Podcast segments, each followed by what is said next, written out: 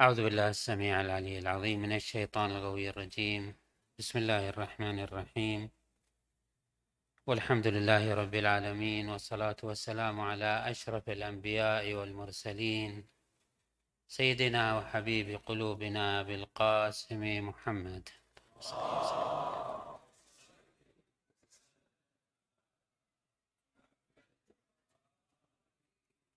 وعلى أهل بيته الطيبين الطاهرين. المعصومين الميامين. اللهم صل على محمد سيد المرسلين وخاتم النبيين وحجة رب العالمين. المنتجب في الميثاق والمصطفى في الظلال. المطهر من كل آفة. البري من كل عيب. المؤمل للنجاة والمرتجى للشفاعة. المفوض إليه دين الله. اللهم شرف بنيانه وعظم برهانه وافلج حجته وارفع درجته وأضع نوره اللهم بيض وجهه وأعطه الفضل والفضيلة والمنزلة والوسيلة والدرجة الرفيعة. وابعثه اللهم مقاما محمودا يغبطه به الأولون والآخرون. اللهم صل على محمد وآل محمد الأوصياء الراضين المرضيين. بأفضل صلواتك وبارك عليهم بأفضل بركاتك. والسلام عليه وعليهم وعلى أرواحهم وأجسادهم. ورحمة الله وبركاته. ثم السلام عليكم أيها المؤمنون جميعا ورحمة الله وبركاته. قال عز من قال في محكم كتابه الكريم بسم الله الرحمن الرحيم. يا أيها الذين آمنوا اذكروا الله ذكرا كثيرا. وسبحوه بكرة وأصيلا. هو الذي يصلي عليكم وملائكته ليخرجكم من الظلمات إلى النور.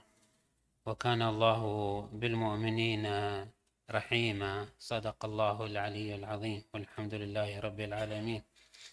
إنها دعوة كريمة من العلي الأعلى أن يدعو الناس إلى الخروج من الظلمات إلى النور. بذكره والارتباط به. الإنسان في هذه الدنيا يتحرك حراك كما يعبرون. يتحرك بجوارحه وجوانحه. جوارحه يقوم ويقعد ويأكل ويشرب وبجوانحه يفكر ويتأمل وينظر ويتذكر. من أهم الحركات الجوانحية هي التذكر. التذكر هي الارتباط بالله عز وجل والرجوع إلى الله عز وجل والارتباط بالله.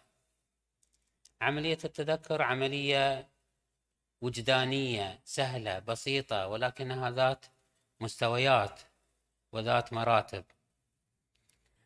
أصل عملية التذكر هو استدعاء ما في غيب الإنسان إلى حضوره ولا آه، معرفته. ولعله ذكرنا في مرات سابقة أنه عملية التذكر وعملية النسيان كذلك ليست عمليات خارجة عن اختيار الإنسان كما قد لعله بدوا يتبادر لدى البعض. أنه النسيان عملية غير اختيارية بينما عملية النسيان هي عملية إغفال النفس وإدبار وحركة روحية تمارسها النفس في بعض الأحيان فتغفل وتنساها بالمقابل عملية التذكر والاستذكار عملية تحتاج إلى جهد وعملية تحتاج إلى إرادة وعملية تحتاج إلى فعل. ومن هنا تكون من أجمل وأسمى العمليات الروحية هي عملية التذكر. تذكر ما في عمق الإنسان. ولذا قلنا التذكر هو استدعاء ما في غيب الإنسان. ليس أمرا خارجيا ليس أمرا ليس من ذات الإنسان في فطرة الإنسان في وجدانه معاني يستدعيها تستدعيها النفس. هي هذه العملية تسمى عملية تذكر. وعملية التذكر يمكن أن يتصور على ثلاثة بل يمكن أن يقال على أربعة مستويات. الذكر اللساني بأن نورد الألفاظ على اللسان. وهذا ما قد يمارسه كثير من المؤمنين في تسبيحهم وتحليلهم وتحميدهم يجرون هذه الألفاظ على اللسان. وقد استعمل, استعمل لفظ التذكر في القرآن الكريم بقصد الإجراء على اللسان في قوله عز وجل اذكرني عند ربك عندما يوصي شخص شخصا آخر أن اذكرني يعني أورد اسمي على لسانك لأنه أوجد صورة صورتي في خاطرك أو أوقع نفسي في قلبك. وإنما أورد اسمي على لسانك اذكرني عند ربك يعني أورد اسمي. وكذا في قوله عز وجل قالوا سمعنا فتى يذكرهم يقال له إبراهيم. يذكرهم يعني يذكرهم بالخير أو بالشر يعني يوردهم على لسانه. فالذكر قد يشمل هذا المستوى من آه، الإتيان بالغائب على مستوى اللفظ. كذلك ذكر الله عز وجل على اللسان. ولكن هذا النحو من الذكر ذكر الله باللسان بالتسبيح والتهليل. في حد نفسه حالة محايدة لا هي سلبية ولا هي إيجابية. تكون إيجابية إذا كانت خطوة أولى للانتقال إلى ما وراءها من الذكر. وإلا في حد ذاتها من غير أن تكون آلة للوصول إلى ما ورائها فهي قد تكون حالة سلبية حالة لقلقة لسان كما يعبرون. بل إنها في الحقيقة تنطوي على مقدار كبير من الجرأة والوقاحة في حق الله عز وجل. جبار السماوات والأراضين تريد اسمه هكذا فقط من باب من أي باب كان هذا ليس محبوبا لدى الله بل هو مرفوض وهو غير مقبول إذا لم تكن هذه الخطوة طريق إلى ما وراءها. نعم نجد أن الأئمة عليهم السلام يتوبون إلى الله عز وجل من مستويات أعلى وأرفع. من هذا المستوى من الذكر. يقول الإمام زين العابدين عليه أفضل الصلاة والسلام إلهي لولا الواجب من قبول ذكرك لنزهتك من ذكري إياك. على أن ذكري بقدري لا بقدرك. ومن نعم الله ومن أفضل نعم الله على أن أجرى الله عز وجل نعمه على ألسنتنا. ولكن لا يليق بالعبد اللئيم الضعيف الحقير أن يورد اسم الله على لسانه هكذا لأنه نحن لا نعرف أن نصف الله في حق صفاته. ومن هنا استذكار الله عز وجل باللسان من غير أن يكون سبيل وطريق وخطوة أولى وتطويع الروح والقلب إلى أن نذكر الله عز وجل كما لعله البعض يمارس حالة الصلاة أو حالة الدعاء يقف بين يدي الله ويورد الأسماء والصفات الإلهية ولكن من غير استحضار العظمة. من غير خشية من غير خشوع من غير رقة من غير بكاء. فهذا فيه من الجرأة على الله عز وجل. يقال عن بعض الصالحين أنه كان بعد الصلاة يسارع في الابتعاد عن مصلاه. فيقال له لماذا قمت عن محل صلاتك إلى مكان آخر؟ فيقول أخاف أن تلف هذه الصلاة في خرقة ويضرب بها وجهي. هذه كانت لقلقة هذه الصلاة التي هي وأقم الصلاة لذكري. كان يفترض أن تكون سببا وآلة ومن أفضل آلات الذكر لله عز وجل التسبيح والتقديس والصلاة. ولكن مع الأسف البعض يأتي بهذه الأذكار وهذه الصلوات وهذه الأدعية على نحو من لقلقة اللسان.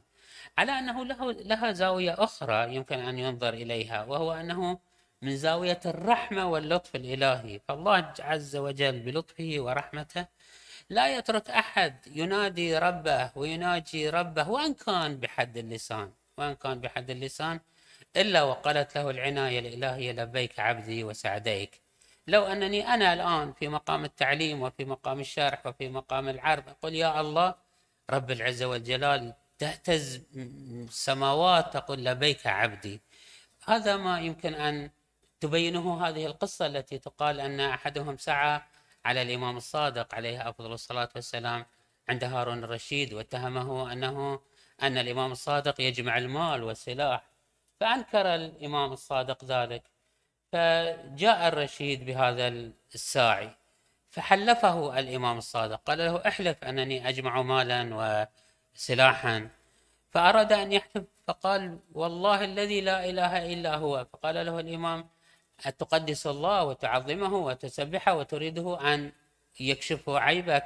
أن الله عز وجل يستحي. لاحظوا هذا العبد يقسم بالله كاذبا. يورد اسم الله كذبا. متجرئا على إمام زمانه. في مقام الدعوة والكذب. ومع ذلك الله جل وعلا يستحي أن يعذبه لأنه وصف الله بأنه لا إله إلا هو. فقال له الإمام الصادق لا لا تقسم هكذا. لا تقول أقسم بالله الذي لا إله إلا هو الحي القيوم ولكن قل أبرأ من حول الله وقوته وأتك على حولي وقوتي. هناك نزلت عليه العذاب. لاحظوا حتى هذا المستوى من الذكر بالنسبة لله عز وجل نعم يستقبله. وهذا لطف إلهي. وإلا هو في حد ذاته فكما ذكرنا أنه لعله مستويات أعلى من الذكر. الأئمة عليهم السلام يتوبون إلى الله عز وجل. اللهم أني آه نعم اللهم أني آه لولا الواجب من قبول ذكرك لنزهتك عن ذكري إياك. هذه المرحلة الأولى من مستويات الذكر وهي الذكر اللساني وهناك مرتبة أسمى وأعلى وهي الذكر العقلي إذا صح التعبير. وهو أنه نتأمل في عظمة الله. ندرس القدرة الإلهية من خلال هذه الآيات وهذه المعطيات الكونية. ونستثير في أنفسنا آه، دلائل وجود الله وعظمته ويد الله في تأثير الغيب ولكن على مستوى التأمل والتفكر والنظر. وهذه عملية آه، أكثر تقدمية وأكثر تطورا من مجرد ذكر اللسان. ولكنها لا ولكنها لا تعد أن تكون عملية باردة عملية فكرية عملية كما يعبرون فلسفية عملية منطقية. هناك مقدمات ونتائج ولها توالي. ولكن هذه العملية لا تحدث في النفس حالة من الشعور والإحساس بمقدار ما أنها قدرة عقلية والعقل البشري قادر على أن يعبث ويتصرف في شؤون تصوراته ومستحضراته. وهي عملية مطلوبة أيضا. وقد وقد استعملها القرآن الكريم في بعض الآيات أو يمكن أن تفهم على هذا النحو كقوله عز وجل أولا يذكر الإنسان أنا خلقناه من قبل.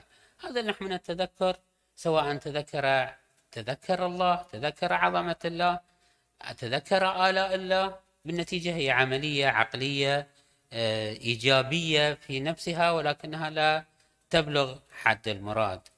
هناك عملية تذكر هي سبيل سعادة الإنسان. هي منجاة الإنسان وخلاص الإنسان لأن الإنسان أمامه طريقان إما أن يتمحور حول نفسه وحول الدنيا وحول الملذات وحول الملذات أو أنه يبقى متمحورا حول الله عز وجل مستذكرا لقدرة الله مستحفظا بما في وجدانه من مكنون معرفة وعلاقة بالله عز وجل. ومن هنا استعمل القرآن الكريم التذكر بهذا المعنى. يقول الله عز وجل فاذكروني أذكركم. هذا الذكر الذي يثير في النفس حالة من الاطمئنان حالة من السكينة حالة من اللذة حالة من العلقة بالله عز وجل. هذا الاستذكار هو استثارة دفائن العقول استثارة ما في النفس من مدركات وأحاسيس ووجدانيات. هذا النحو من التذكر يحتاج إلى أن نمارسه وأن آه، نكرره. لاحظوا أن الرسول صلى الله عليه وآله يقول في مقام تبيين موقعية الذكر والتذكر في نفس الإنسان. يقول كما يروى عنه صلى الله عليه وآله عندما خاطب قومه ألا أخبركم بخير أعمالكم وأزكاها عند مليككم وأرفعها في درجاتكم وخير لكم من الدنيا ومن الدينار والدرهم وخير لكم من أن تلقوا عدوكم فيقتلون فتقتلونهم ويقتلونكم يعني هذا العمل الذي أدعوكم إليه له من المقامات ما لا يوازيه الدنيا وأموالها بل لا توازي حتى الأفعال الصالحة مثل الجهاد في سبيل الله ما هو هذا العمل؟ يقول الرسول صلى الله عليه وآله عندما قالوا له بلى يا رسول الله أخبرنا قال ذكر الله كثيرا. أن تذكر الله عز وجل أن تستحضر القدرة الإلهية والغيب الرباني أن تتلمس يد الله في نفسك وفي مشاعرك وفي أحاسيسك وأن تفهم كل ما يجري في هذا الكون على أنه تدبير رباني وأنه كل جزئيات ما يقع في حياتك هو عناية إلهية وبعث رباني ولطف بك فيما تحب وفيما تكره. كل ما يجري عليك هو لطف إلهي وحفظ رباني محيط بالإنسان.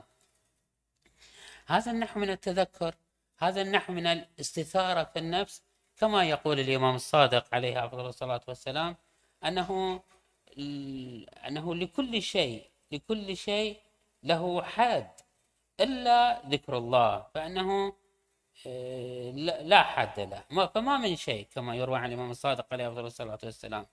ما من شيء إلا وله حد ينتهى إليه إلا الذكر. مهما أكثرت من الذكر مهما كررت الذكر ليلك نهارك في خلوك وفي شغلك في بيتك وفي ناديك كما تعبر بعض الروايات.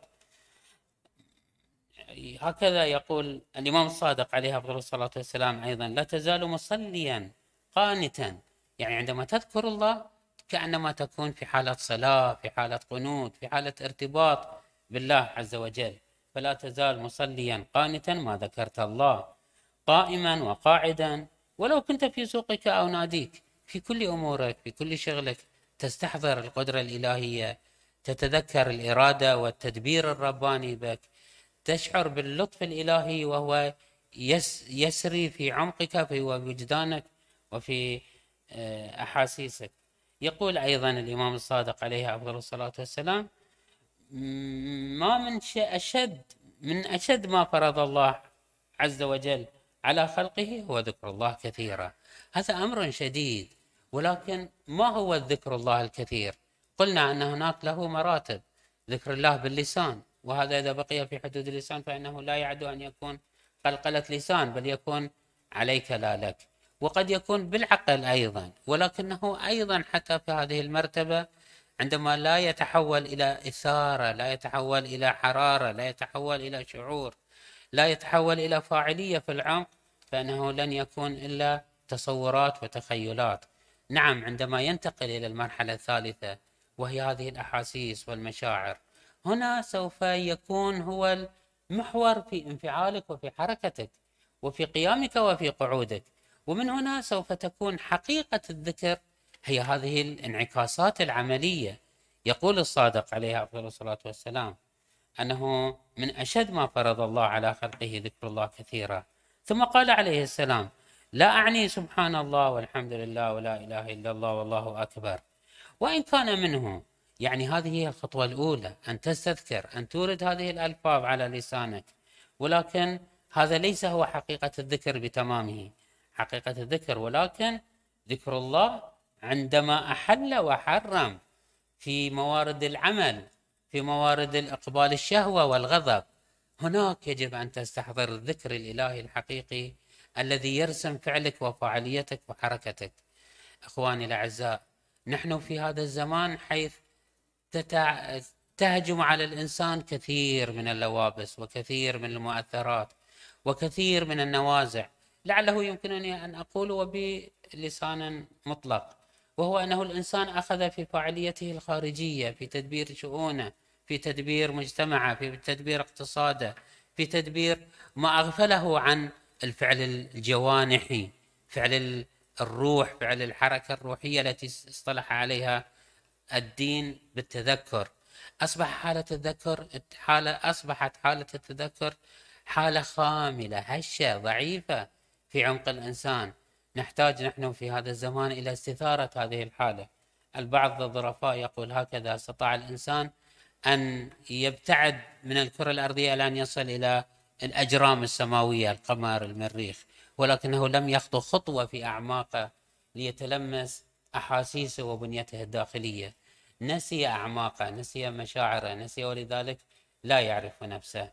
نرجو من الله سبحانه وتعالى أن يتتاركنا برحمته وأن يلطف بنا وأن يمدنا بنور نبيه صلى الله عليه وآله وأهل بيته ليخرجنا من الظلمات إلى النور ويرزقنا الهداية في الدنيا والآخرة. والحمد لله رب العالمين وصلى الله على محمد وأهل بيته الطيبين الطاهرين.